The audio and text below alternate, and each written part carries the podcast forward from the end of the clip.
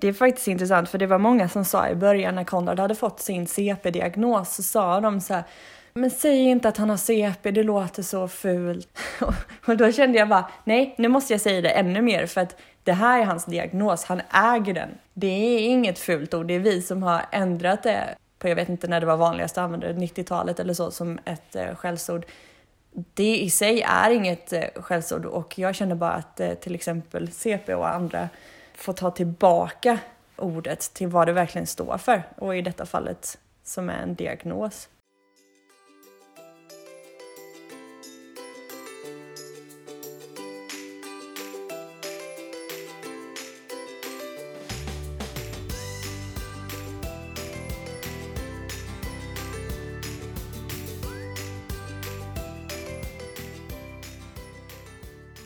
Varmt välkomna till Nordlyckans podd. Du lyssnar på avsnitt 40.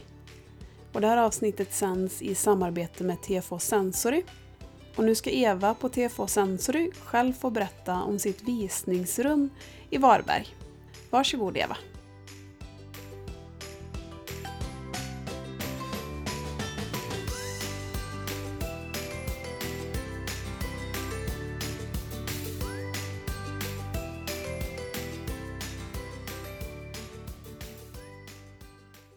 Emma!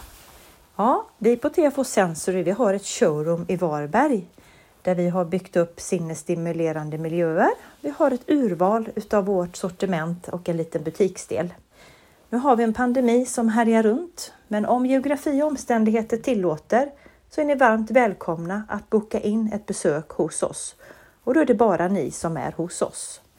Vi behöver ungefär en veckas framförhållning för att kunna förbereda just de produkterna som ni vill se och känna och klämma på. Vi vet att det är skillnad på att se någonting i verkligheten mot att eh, se det i katalog och på hemsida.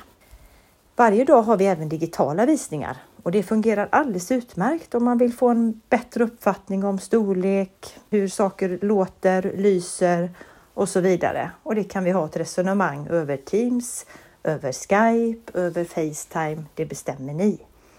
Vi vill slå ett litet slag för att vi på TFH Sensory erbjuder digitala föreläsningar, inspirationsföreläsningar om sinnesrum, att inreda sinnesrum och vi pratar sinnesstimulering. Och det erbjuder vi för verksamheter inom vård, skola och omsorg. Så hjälp oss gärna och sprid det till dem ni har i er närhet.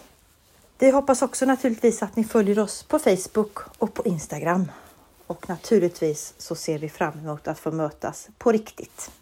Men vi håller i och vi håller ut. Och tack än en gång Emma för att vi fick möjligheten att vara en del i din viktiga podd.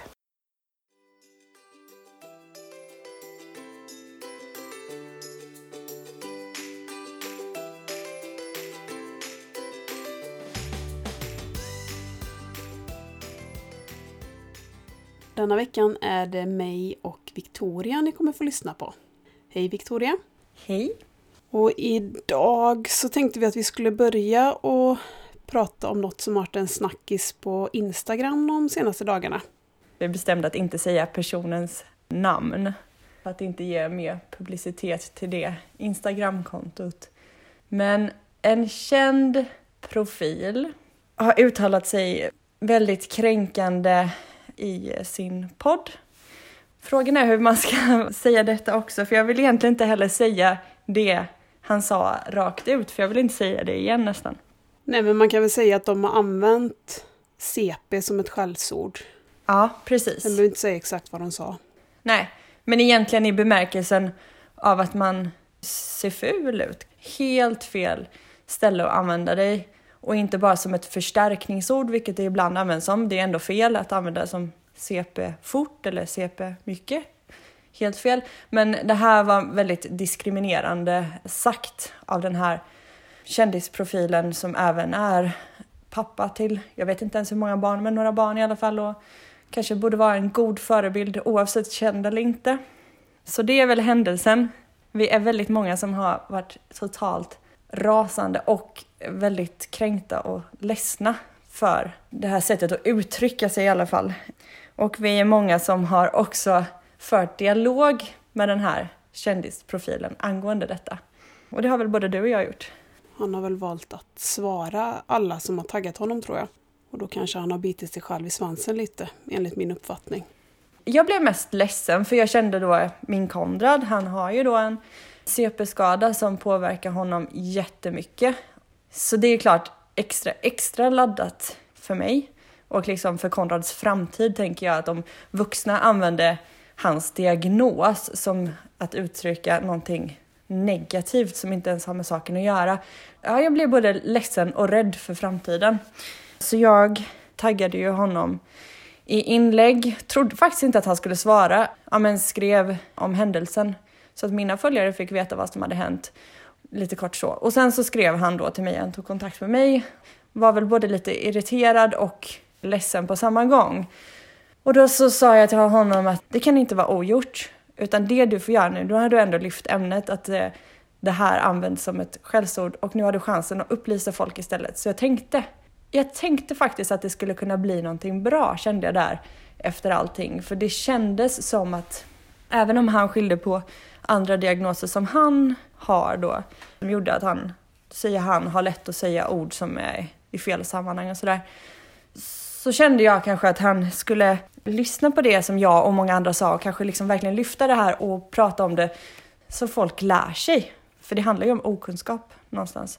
Men så blev det ju inte tyvärr. Jag såg inlägget som han la på sitt Instagram-konto och eh, det landade verkligen helt fel hos mig i alla fall. Det kändes mer som att han sa att han hade använt sig av ett fult ord i stort sett. Så tolkade jag det nästan som. Istället för att upplysa så, så skyllde han bara ifrån sig att han bara råkade säga någonting som var dumt sådär. Man kan ju godta en ursäkt om en person säger att det blev fel och jag förstår att detta har sårat människor och jag ska tänka mig för i fortsättningen. Mm. Men nu var det inte riktigt så. Det haglar ju ursäkterna till varför och en av ursäkterna var ju bland annat i stil med att jag är uppväxt med att man säger så här.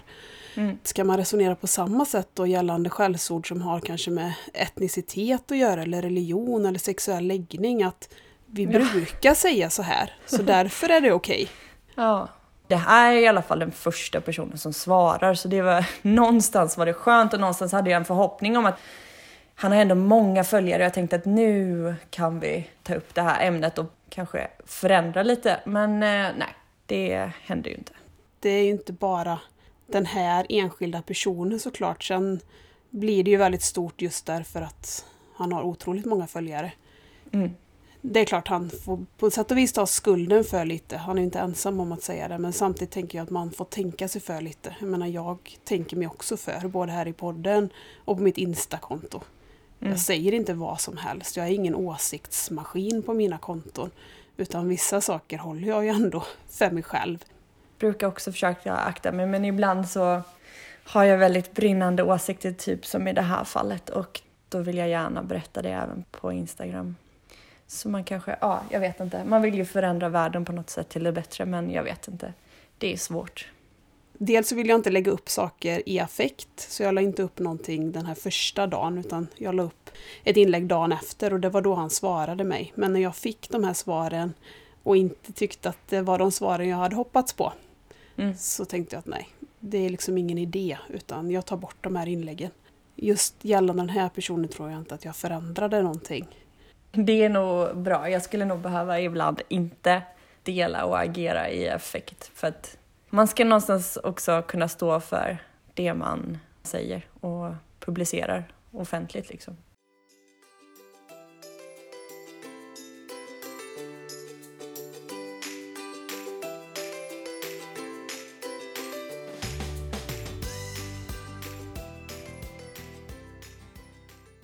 Om man använder någonting likt detta som ett skällsord, man kan ju inte utgå ifrån vad jag själv menar med det, utan man måste utgå ifrån hur påverkar det den personen som hör detta? Om någon blir sårad så är det ju fel, även om inte jag har menat att såra. Exakt. Man måste ju flytta lite fokus ifrån sin egen person. Alla gör ju misstag och säger fel och uttrycker sig fel, men då får man ju liksom också innerligt försöka be om ursäkt och inte skylla över på massa andra saker, för att vi är ändå människor och vi gör misstag. Men då får vi försöka stå för det och be om ursäkt. Det är ju svårt det här med ord. Det finns ett förslag om att man ska byta namn på särskola till anpassad skola. Mm. För att just sär har en väldigt negativ klang. Och man kan ju tycka att ska det vara nödvändigt? Men ord har ju stor betydelse för oss. Vad man tolkar in i det. Det är faktiskt intressant för det var många som sa i början när Konrad hade fått sin CP-diagnos så sa de så här men säg inte att han har CP, det låter så fult. Och då kände jag bara, nej, nu måste jag säga det ännu mer för att det här är hans diagnos, han äger den. Det är inget fult ord, det är vi som har ändrat det på, jag vet inte när det var vanligast att använda det, 90-talet eller så, som ett eh, skällsord. Det i sig är inget eh, skällsord och jag känner bara att eh, till exempel CP och andra får ta tillbaka ordet till vad det verkligen står för och i detta fallet som är en diagnos. Det blev ju nu en diskussion om att man inte ska använda ordet CP alls. Det är ju inte det som är poängen. Poängen Nej. är ju att det ska användas till det det faktiskt betyder. Precis. Man ska inte vara rädd för att säga det för det. Nej, det var ju det han sa. Han skrev ju någonting sånt att ah, jag har använt ett ord som man inte får använda, eller det var någonting sånt där. Och nej, använd det absolut, jättegärna, men bara i rätt bemärkelse. Jag märker att folk liksom ryggar tillbaka av det här C och P. Och det är ju för att folk inte vet vad det står för. Det har liksom laddats till något negativt. Det är så synd och det är verkligen någonting som jag önskar förändra. Jag önskar att det fanns liksom en plats, att tv och media kunde ge plats åt ja, inte bara personer med CP, men nu är det det som ligger mig liksom närmast. Så att folk liksom inte hade lika mycket förutfattade meningar, för det finns ju hur mycket förutfattade meningar som helst. Det märker jag ju typ dagligen på mitt Instagram och folk blir glada över att jag upplyser dem med saker som de inte har en aning om. Jag önskar bara att det fanns en neurogala också på TV så att man faktiskt bara kunde prata om de här diagnoserna istället för att folk kanske blir eh, både lite rädda hur de ska bemöta personer med CP eller andra typer av diagnoser. Det är så synd för vi är inte där idag utan vi är mer på sjukdomar och den typen är det mest som uppmärksammas på galor.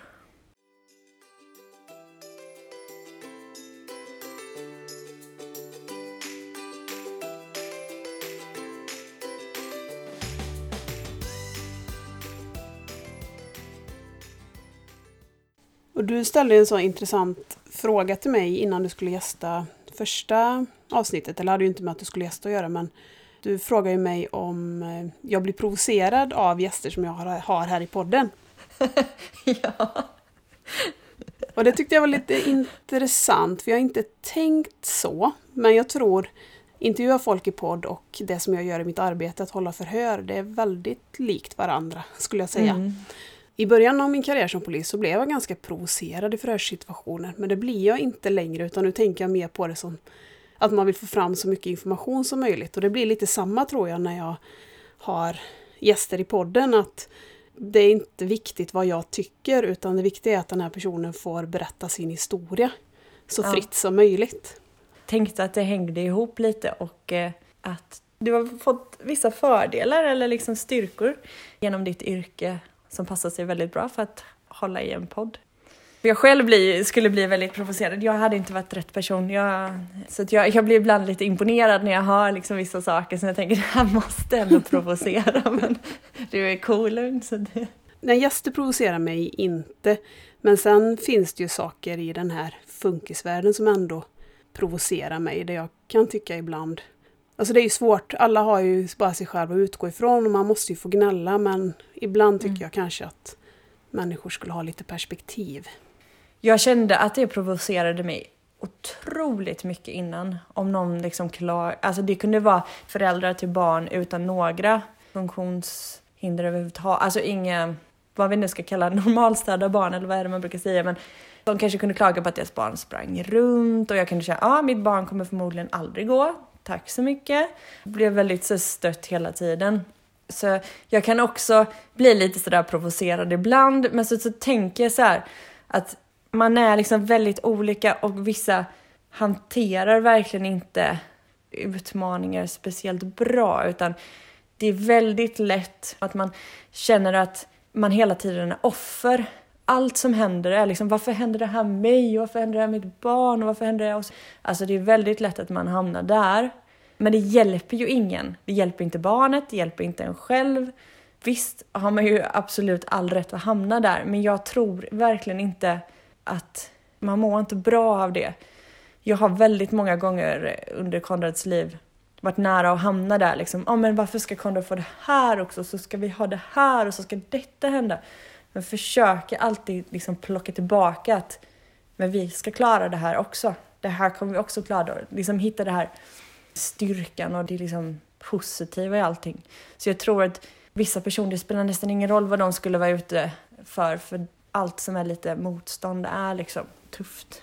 Ja, men jag tror det kanske ligger mycket i det också hos mig att vi ser ju inte på det här livet som vi har fått med Vide som något negativt utan jag ser ju det mest som positivt och då blir jag kanske lite mer provocerad också av gnäll på saker som känns obetydliga om man jämför med vårat liv. Sen ja, precis. tycker jag att det är ganska tydligt i vissa grupper på Facebook. Och de är ju väldigt stora, de här grupperna. Mm. De grupperna har jag gått ur fort. För jag tycker att det är väldigt lite tips så som jag upplever det. I de andra grupperna är det mycket så här, man ställer en fråga och så får man tips.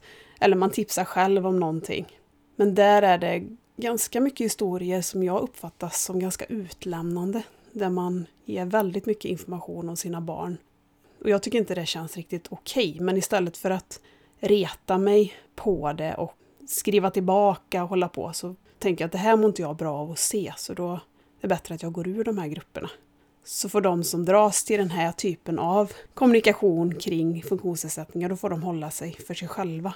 Och så håller jag mm. mig på min kant i de grupperna som jag tycker känns som en positiv kraft. Ja, precis. Jag känner samma. Jag är väldigt noga med vilka grupper som jag är med i på Facebook och där jag tycker till och jag uttalar. Jag har absolut gått i clinch. Kanske istället för bara gå ut har jag kanske känt att jag måste svara på det där. Det kan jag verkligen känna igen mig i och nu känner jag att jag har bara grupper där jag känner att det är väldigt mycket stöttning. Det är det. Vad vill man ha? Man vill ha tips och tricks och kanske erfarenheter men vi måste framåt känner jag och jag orkar inte komma bakåt för negativ energi. Alltså att lyfta assistansfrågan känns ju ändå viktigt eftersom det är en viktig fråga som folk generellt sett inte överhuvudtaget är insatta i. Utan man tänker att om man får ett barn med speciella behov som är i behov av assistans så ska man få det, men det funkar inte så i Sverige. Så att jag, kan, jag kan nog eh, absolut ibland eh, gnälla om man säger på samhället på det sättet. Men jag försöker också ha någon slags balans och det jag vill är att man ska se att det blir bra ändå. Det här och det här och det här utmanar vår dag dagligen, men det blir bra ändå. Oftast, ska vi säga, inte alltid.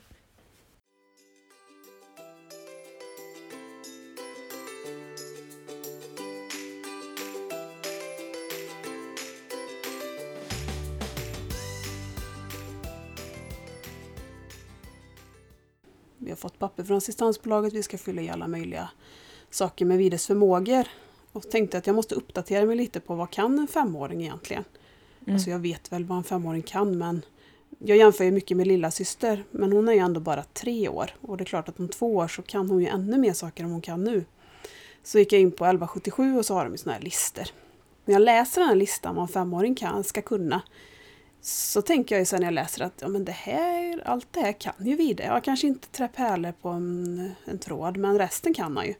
Alltså jag är nog så himla van vid att vara hans hjälp-jag. Ja. Så jag tänker ju att han löser ju alla de här sakerna. Det var hoppa på ett ben, det var slå kullerbytta, gunga, gå på toaletten. Och han gör ju alla de sakerna, fast med hundraprocentigt stöd såklart. Men jag ser ju inte på honom som en person utan förmågor, att han inte kan någonting, utan jag tycker han kan massa saker precis samma sak som jag känner med Konrad, att man, man gör allting fast på ett annat sätt med andra stöd liksom. Men, och det är ju ändå ett väldigt positivt synsätt och det är ju ändå någonstans framgång för, för att orka med allting som man ska klara av. Man måste ha på sig helt andra glasögon när man söker assistans också för att det är jättelätt att man liksom blir lite blind i hur, hur ens vardag är verkligen. Vad man gör extra är ju jättelätt att glömma bort. Ja, och det är väl det som gör att det blir ganska påfrestande att fylla i de här sakerna för att man blir mycket mer medveten om allt extra man gör. Annars gör man det bara. Ja. Nu måste man bli påminn om det. Så att jag tog fram de där papperna, sökte på 1177, la ut inlägg på Instagram och sen skrev jag inte en rad på de där papperna. För det är väldigt eh, psykiskt påfrestande att fylla i de där lapparna. Så att än så länge står det ingenting på dem. Men jag har Nej. gjort lite så här noteringar typ i mobilen för man kommer ju på så här småsaker hela tiden. Så jag gör, jag gör så små minnesanteckningar men vi har inte orkat sätta oss med det än. Nej men det är tufft bara läsa ett intyg från, från läkare och habilitering alltså till eh, assistansansökan är ju jättetufft. Jag minns att det stod i Konrads intyg från läkaren att han är bland de mest sjuka barnen i Halland. Och det ser jag ju absolut inte honom som. Men då är det liksom hans kombination av diagnoser som de räknar som att det kan bli så pass allvarligt när det blir dåligt. Liksom. Mm. Så när jag läste de orden, jag var ju tvungen att sätta mig och gråta en stund för jag, även om jag vet om det så kom det ändå som en chock när det står liksom skrivet. Han blir ju inte så sjuk därför att han har assistans. Ja, så är det ju. Men eh, han är i risk hela tiden. Varenda dag. Alltså våra assistenter, de är ju två på honom dagtid. Hade de inte varit där så absolut, alltså han hade ju... Det hade ju aldrig gått. För det är så livsfarligt. Men så ser man ju inte det när det bara flyter på. Det är läskigt, eller det är så obehagligt när man liksom, när man verkligen tar tag i och möter sanningen som den är. För att man Försöka ha så positiv inställning som möjligt hela tiden.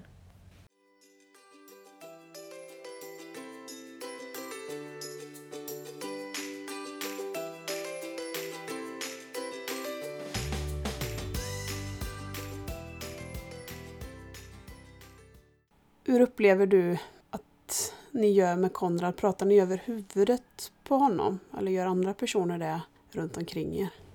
Det ska jag vara helt ärlig med att jag tycker att vi gör lite grann. Och det är så dumt och vi försöker verkligen komma ifrån det. Det är nästan som någon slags vana liksom. Och nu har vi också börjat prata engelska ibland för att liksom inte prata över huvudet. Men saken är ju den att barn lär sig fort och det är många ord som man förstår på engelska i alla fall. Så det blir liksom inget bra sätt. Assistenterna gör sällan det tycker jag. De är ändå väldigt, de är ju Konrad på sätt och vis kan man ju säga. Och Håkan och jag försöker att inte göra det. Däremot eh, vårdpersonal är ju i regel jättedåliga på det där. Jag skulle nog säga att det är samma här hos oss. Att vi har framförallt tidigare pratat väldigt mycket över huvudet på honom. Berättat om honom när han sitter jämte utan att det verkar som att han är i samma rum överhuvudtaget. Jag försöker tänka på det, det blir lite lättare nu när han är snart fem år. Och vi pratar faktiskt också en del på engelska nu. Egentligen borde man kunna vänta och prata om vissa saker tills han inte är där överhuvudtaget. Men man är ju rädd att man ska, kanske ska glömma bort eller man vill säga det precis när man tänker på det. Jag tycker det är jättesvårt och vi måste hela tiden påminna vårdpersonalen om det för att Konrad är så himla, alltså han är så himla känslig och han är så bra på att förstå alltså det man inte ens säger, det man säger mellan raderna, det förstår han väldigt bra också. Så vi måste hela tiden tänka på att förklara för vårdpersonalen att de ska, de ska berätta att han ska göra någon slags operation eller någonting. Så får de liksom inte bara slänga ur sig det så att han ska gå runt med den ångesten utan Ja, det är faktiskt jättesvårt tycker jag, för att ju äldre Konrad blir desto mer ont gör det ju att höra information som man faktiskt inte ska höra. På habiliteringen uppfattar jag att de är väldigt duktiga på att inte göra det. Förutom när man går på läkarbesök, för då är det ju väldigt mycket bara prat till oss föräldrar. Mm. Men just i övrigt så är de faktiskt mycket bättre på det än jag. Det är så att jag, liksom rena hela stämningen är att man inte ska prata över huvudet på honom så att jag får bita mig i tungan. För att, också för att det är en vana att man brukar. Ja. säga saker. Så det är väldigt Precis. bra träning för mig också, de här sammanhangen när någon är väldigt, väldigt duktig på att låta bli. För då vaknar ju det också till så att lite tanke hos mig att just det, vänta nu. Det är jättebra. Vi, hade, vi har ju bytt team på habiliteringen och innan har vi haft jättemånga personer på habiliteringen som tvärtom varit så dåliga och pratat med oss om saker som Konrad inte ska höra och över huvudet på honom. Alltså han har verkligen fått höra allt han inte kan, om man säger rakt i ansiktet. Så det var, de var faktiskt jättedåliga på det och nu har vi ett annat team och det är liksom en helt annan inställning. Och nu är det samma sak som du beskriver, att det är jag som är sämst på det av oss.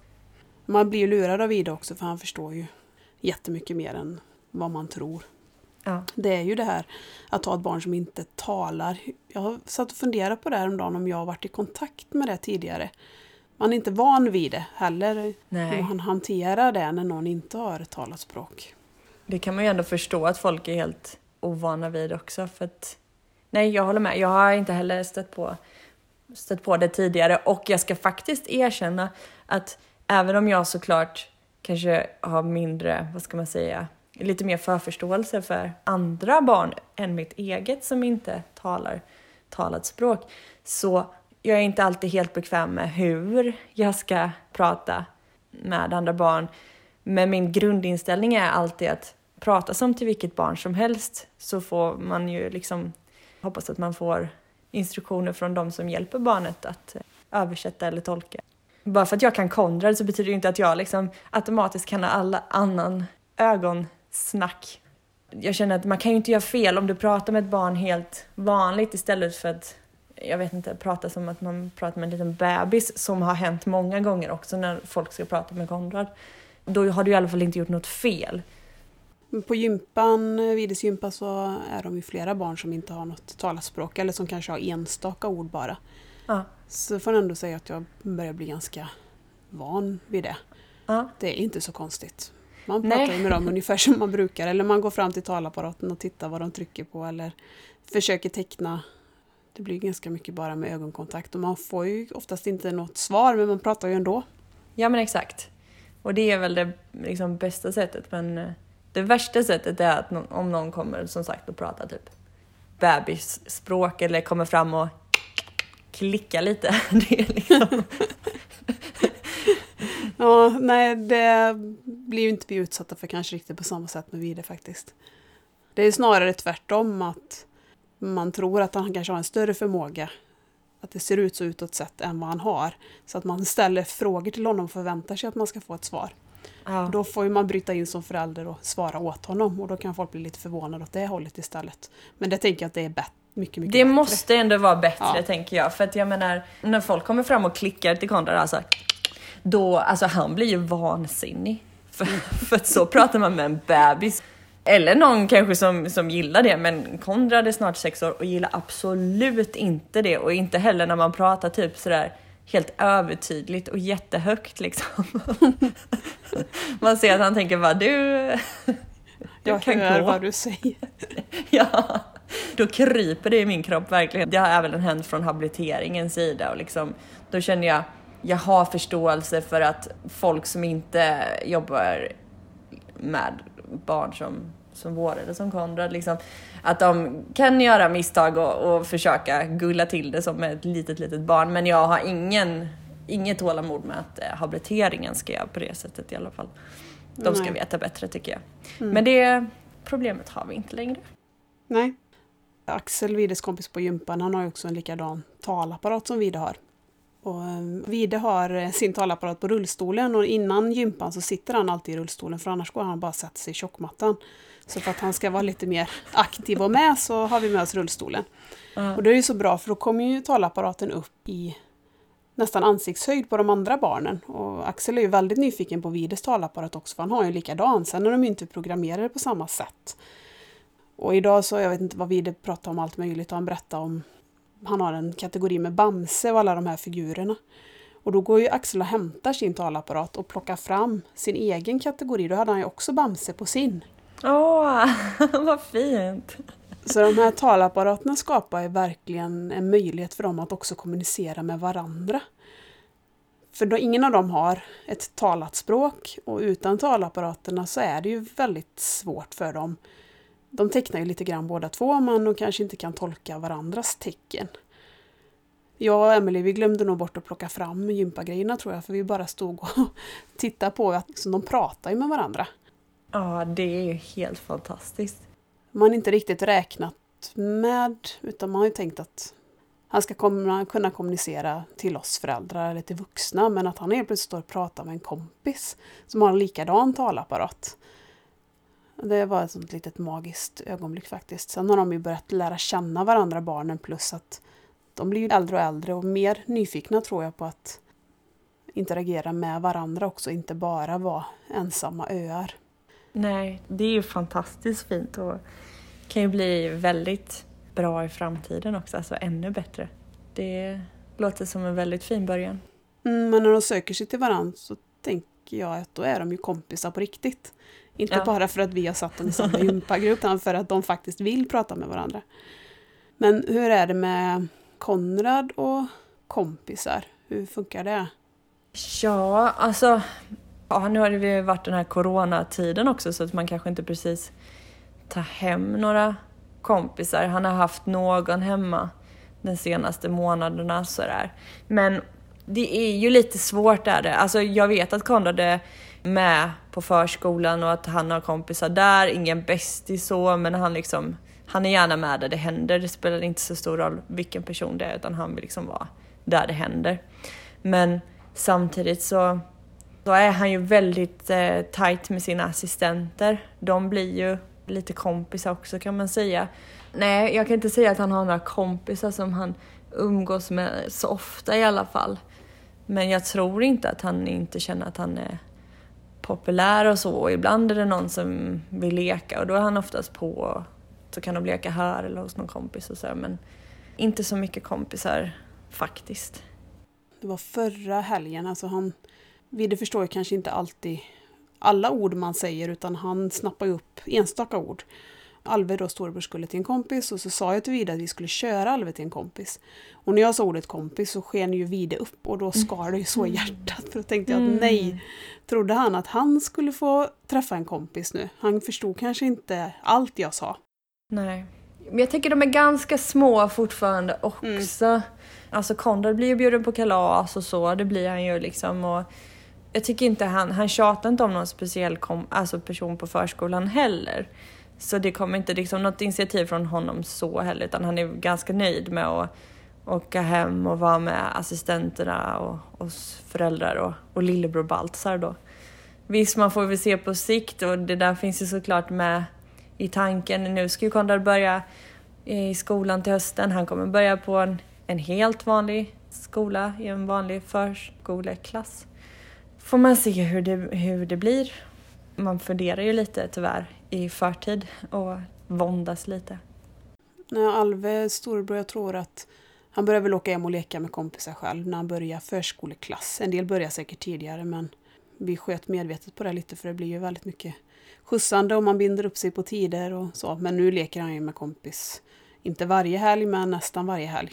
Men det är klart, nu fyller han ju nio år också så att... Eh, men eh, Emily då som jag har gympan ihop med, vi är väl tänker väl lite likadant. Nu är det ju som sagt det här året konstigt men vi tänker att man ska göra andra saker än gympan också för att få en meningsfull fritid för våra barn. Man mm. tänker långsiktigt att man kan gå på bio eller man kan bovla eller man kan eh, gå på djurparken eller kanske anordna ett disco. Alla sådana här saker som typiska barn får av sig självt som våra barn kanske missar lite. Ja, det är svårt för jag vet inte riktigt vi har väl nog inte hittat någon, vad ska man säga, någon annan funktionsnedsatt i Halmstad som matchar jättebra med Konrad. Liksom. Alltså, för någonstans så måste man ju ha någon slags koppling eller, alltså jag vet inte riktigt men jag tycker det är svårt. Ja, jag kan tänka att för er, eftersom man inte har en intellektuell funktionsnedsättning, att man kanske tänker mer så. Ja. Men samtidigt i den gympagruppen nu så är vi ju väldigt blandat. Mm. Det är ju flera barn där som inte har en intellektuell funktionsnedsättning. Mm. Och det blir någon sån här skön mix ändå, att det är okej att vara annorlunda. Åt vilket håll man än spretar liksom. Ja. Det känns ju som att alla trivs och tycker att det är jätteroligt att komma dit. Och... Så man kanske inte ska snöa in sig för mycket att man ska hitta någon som matchar perfekt. för det är ju ingen av de barnen som är exakt som Vide. Nej, det förstår jag. Nej, ja, jag vet inte. Det är nog att jag snöat in lite på att jag måste hitta någon som är ungefär liksom samma intellektuellt och eh, rörelsehinder. Att det ska vara den kombon liksom. Vi är inte i någon situation eller något sammanhang naturligt där vi träffar andra barn just nu som har funktionsnedsättningar. Finns det någon sån, liknande det som vi har startat, någon sån gympa, alla kan gympa eller någon sån här grupp? Nej, det tror jag inte att det gör. Men om det är någon Mm. som bor i Halmstadområdet och vet det så får de gärna säga det till mig. Men det tror jag inte. Så det blir också... Det, liksom, det blir inte naturligt. Den enda gången när vi träffar andra familjer då är det när vi är på Move and Walk. Det är säkert många föräldrar som har barn med CP-skador som vet vad Move and Walk är. Men det är en speciell träning i Göteborg.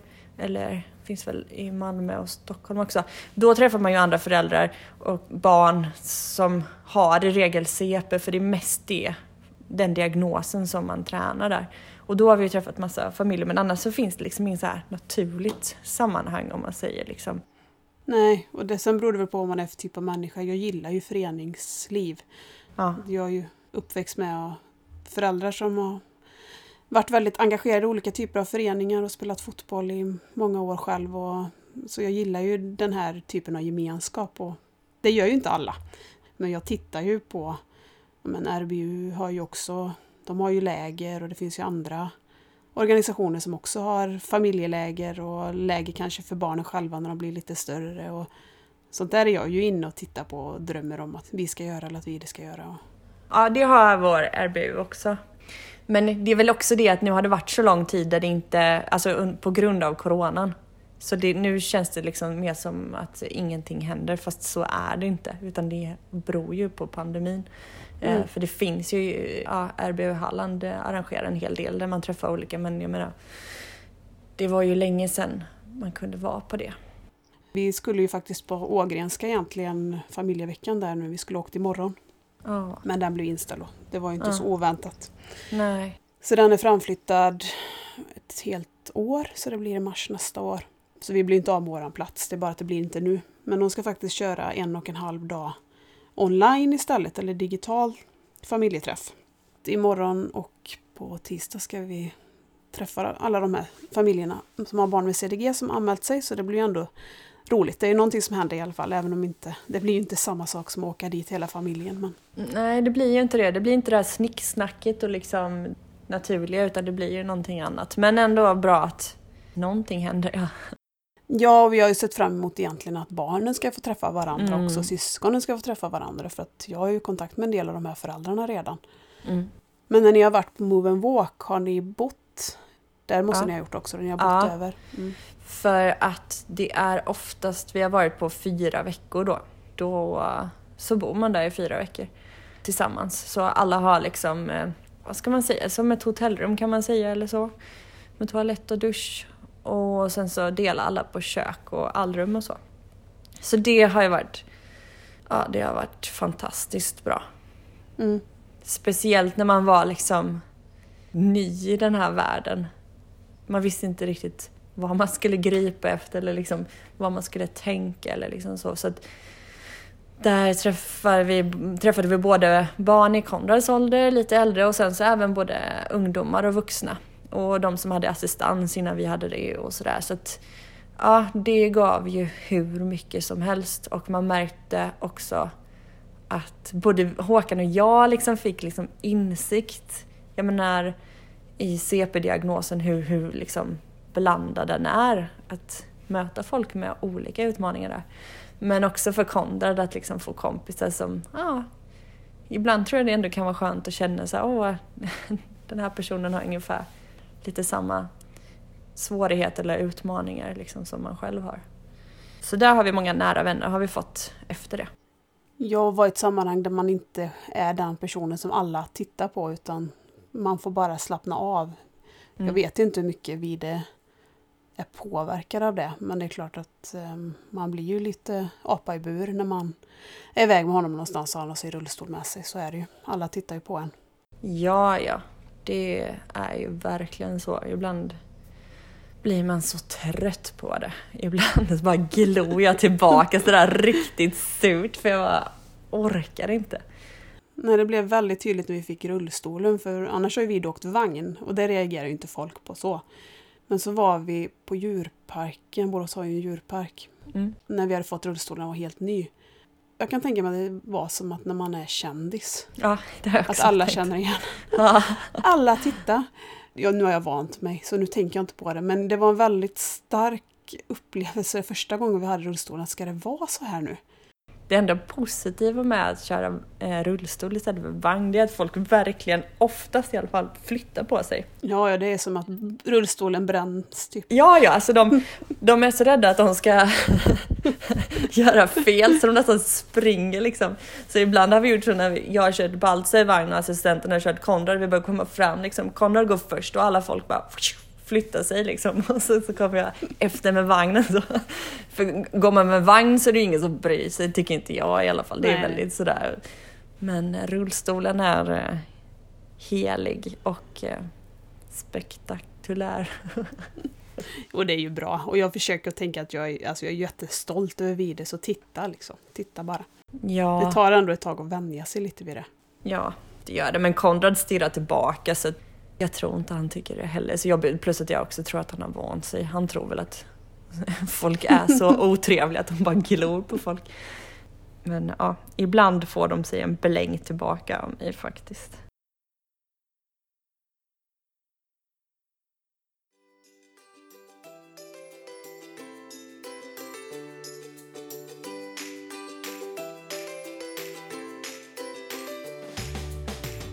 Vi ska gå tillbaka till Move and Walk så innan Vide fick sin att det var ett syndrom han hade så trodde vi ju på CP-diagnos länge. Och Ja. Vi försökte ju pusha vår läkare att skriva CP-diagnos på honom för att få Mm. komma till Move and Walk. Ja. Men vi var faktiskt där och bara titta hur lokalerna såg ut. För vi kontaktade Move and Walk och frågade hur gör man när man inte får en diagnos. Men de sa att ni kan i alla fall komma hit så kan vi göra en bedömning om om det hade fungerat med den här typen av pedagogik för vid överhuvudtaget. Annars är det ingen idé att vi försöker att ni ska få komma hit. Så vi var där på en sån bedömning och det var ju jättefina lokaler. Vi var inne och tittade i något sånt övernattningsrum också. Mm. Och det var då de tipsade oss om Bräcke som har haft ett sånt eh, projekt via Arvsfonden med konduktiv pedagogik också. Ja. Där inte det krävdes diagnos. Så att vi har ju fått möjlighet att träna den typen av träning också. Jag hade för mig att ni hade gjort det också. Vi åkte ju dit nästan ett år. En gång i veckan var det då istället. Så det var inte intensivträning utan då var det regelbundet istället. Mm. Vi har fått med oss massa verktyg därifrån som jag tänker på även nu när vi typ håller gympa. För vid att det här med jobba med balanssinne och vissa av de här sakerna som vi ändå fick med oss därifrån. Sen var ju väldigt, väldigt arg hela tiden när vi var där i Göteborg så att själva träningarna gav inte honom så mycket kanske på plats men det som var bra var ju att vi fick lära oss mycket för att som föräldrar. Ja, Konrad var ju bara ett år första gången vi var där då. Då drog jag dit honom direkt efter han var nyopererad. Så han åkte från Drottning Silvia till Move and Walk. Och han var också väldigt missnöjd var han. Han var ju liksom typ en bebis eller så nästan. Och eh, ville bara vara i min famn så bara det att lägga ner honom på golvet var ju typ omöjligt. Men jag tyckte också att jag fick med mig mycket liksom hur jag kunde tänka hemma. Och så fick jag typ för första gången då i alla fall en väldigt lite positiv inställning till diagnosen och framtiden och så. Så det hjälpte mig jättemycket. Det är, de, det är någon annan inställning till ah, utmaningarna liksom. Vi fick med oss mycket tips också på hur vi föräldrar skulle tänka med lyft. Ja, det fick vi med. Och det upplever jag nog inte att habiliteringen kanske tänker på så mycket att vi föräldrar ska hålla, att våra kroppar ska hålla. Nej. Men det var mer fokus på där att, ja men gör inte så utan res på honom så här istället. Eller Mm. så. så det var jättebra. Ja, det är nog mycket så här att bli så självständig som du bara kan. Alltså hjälpa till så mycket som efter din egen förmåga. Är väl Mm. liksom deras grundinställning och den tycker jag är väldigt bra. Men vi det lärde ju sig gå faktiskt under den. Det var ju på sommaren han lärde sig gå när vi var hemma men det var ju under den perioden som vi gick där. Ja. Han hade nog lärt sig gå ändå men det gick ju lite snabbare tack vare det. ja. Eftersom habiliteringen erbjuder ju ingen träning alls egentligen utan Nej, det har inte vi. Vi har inte heller haft någon träning innan. Nu har vi som sagt helt plötsligt ett, ett guldteam. Ja, ni har sett att ni badar ju. Ja, det är helt fantastiskt. Jag tror det är första gången i Konrads liv som han känner att han faktiskt är duktig på någonting. Och bara den känslan av att höra bara men wow, alltså det måste vara den får ju alla andra barn höra hela tiden så fort de gör något så här motoriskt framsteg. Så oh, man ska filma, man ska ta kort. Men det har ju liksom inte hänt för Konrad så, även om jag såklart har försökt uppmuntra honom. Men nu känner han, alltså för sina svårigheter motoriskt så är han ju jätteduktig på att simma.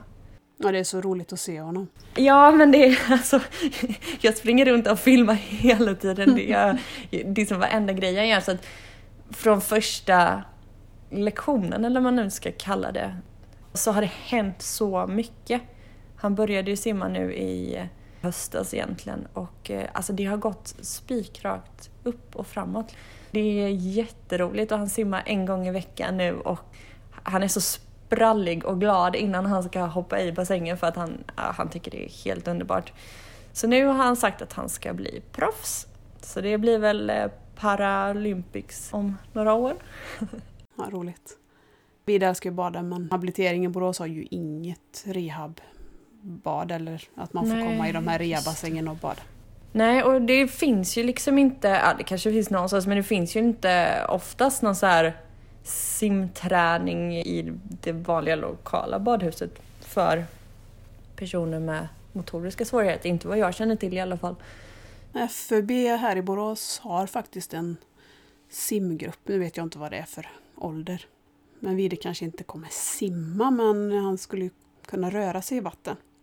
Jag tänker både det att kunna röra sig i vatten och typ ha en aktivitet. Liksom. Mm, ja, det, känns, det känns lite viktigt. För barnen tror jag. Jag tror absolut Konrad tycker det känns viktigt. Men det känns lite viktigt för mig också. Nej men det är både, både och. Nu har ju storebror så mycket olika aktiviteter så att vi har inte riktigt hittat någon bra dag att klämma in att åka och bada med Vide. Nej. Just nu är inte badhusen öppna överhuvudtaget. Men... Nej, och det är väl, jag vet inte om det är också därför Konrad får simma själv. Han har ju simning själv. Jag vet faktiskt inte men eh, det är ju i alla fall jättelyxigt och eh, det bästa som typ har hänt för hans motorik.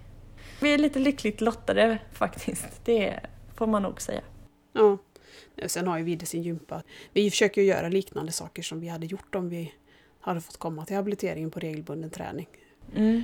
Men just um, Move and Walk, jag tror att via om det är Karlstad eller det finns något så här så att man skulle kunna eventuellt få en remiss dit även om man inte har CP-diagnos. Om man mm. har liknande svårigheter. Men jag vet inte, jag har nog lagt det bakom i tankarna på det för jag vet inte hur jag tror inte det passar vid att åka fyra veckor, bryta alla rutiner Nej. och bara vara krav i fyra veckor på att han ska Nej. röra sig. Jag tror det hade blivit skrik och protester. Att åka en gång i veckan och träffa sina kompisar, det passar honom mycket bättre. Ja, nej, det är så olika så det förstår jag verkligen. Vi får se, vi har fått en inbjudan till september. Men det är bara det att man ska få ihop det om det fortfarande är rådande pandemi så får inte lillebror Baltzar följa med, är deras regler. Det kan jag ju förstå, utan då måste man bo någon annanstans. Och det blir väldigt komplicerat för i så fall så skulle jag ju åka med båda barnen själv med assistenter. Eh, men då måste vi ju kunna vara på samma ställe så att ja, jag vet inte. Jag hade gärna gjort det men eh, det ska fungera också, logistiken. Nej, jag var jättetaggad då när vi var där jag vet inte hur gammal han var då, om han var två eller tre. Mm. Men eh, nu har han ju sin vardag så rulla på. Jag tycker han har det ganska bra ändå, även om vi inte åker dit. Ja. Och förhoppningsvis kommer han få det ännu bättre, bara här hemma utan att vi behöver åka dit och träna.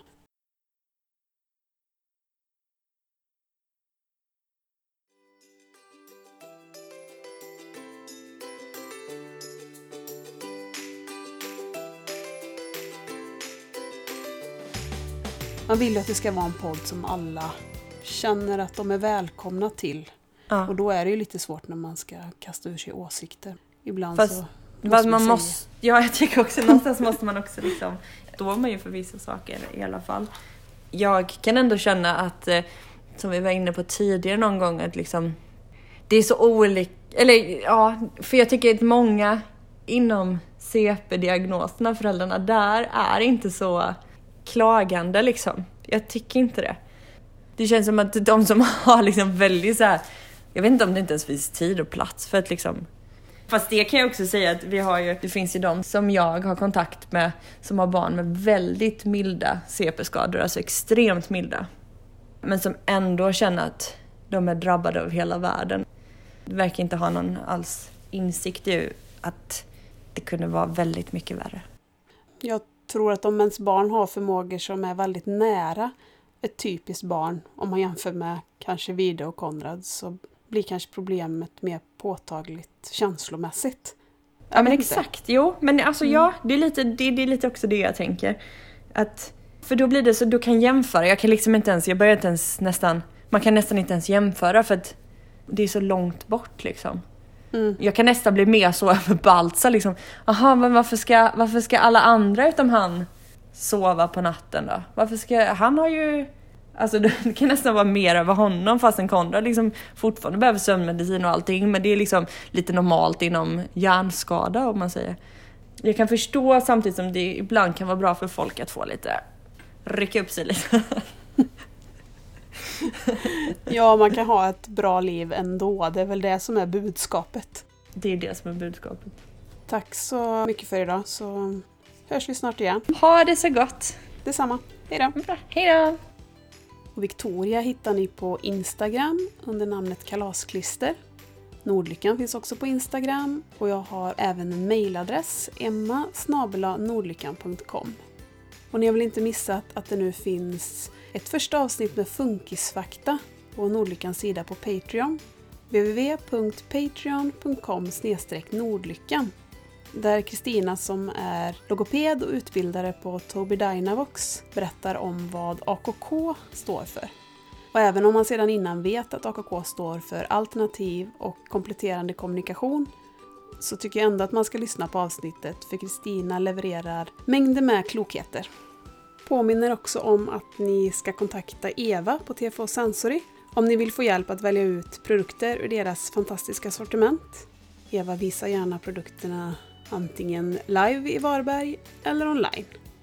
Gå gärna in på www.tfosensory.se Nästa vecka är jag tillbaka med en ny gäst, inte helt oväntat ytterligare en funkismamma.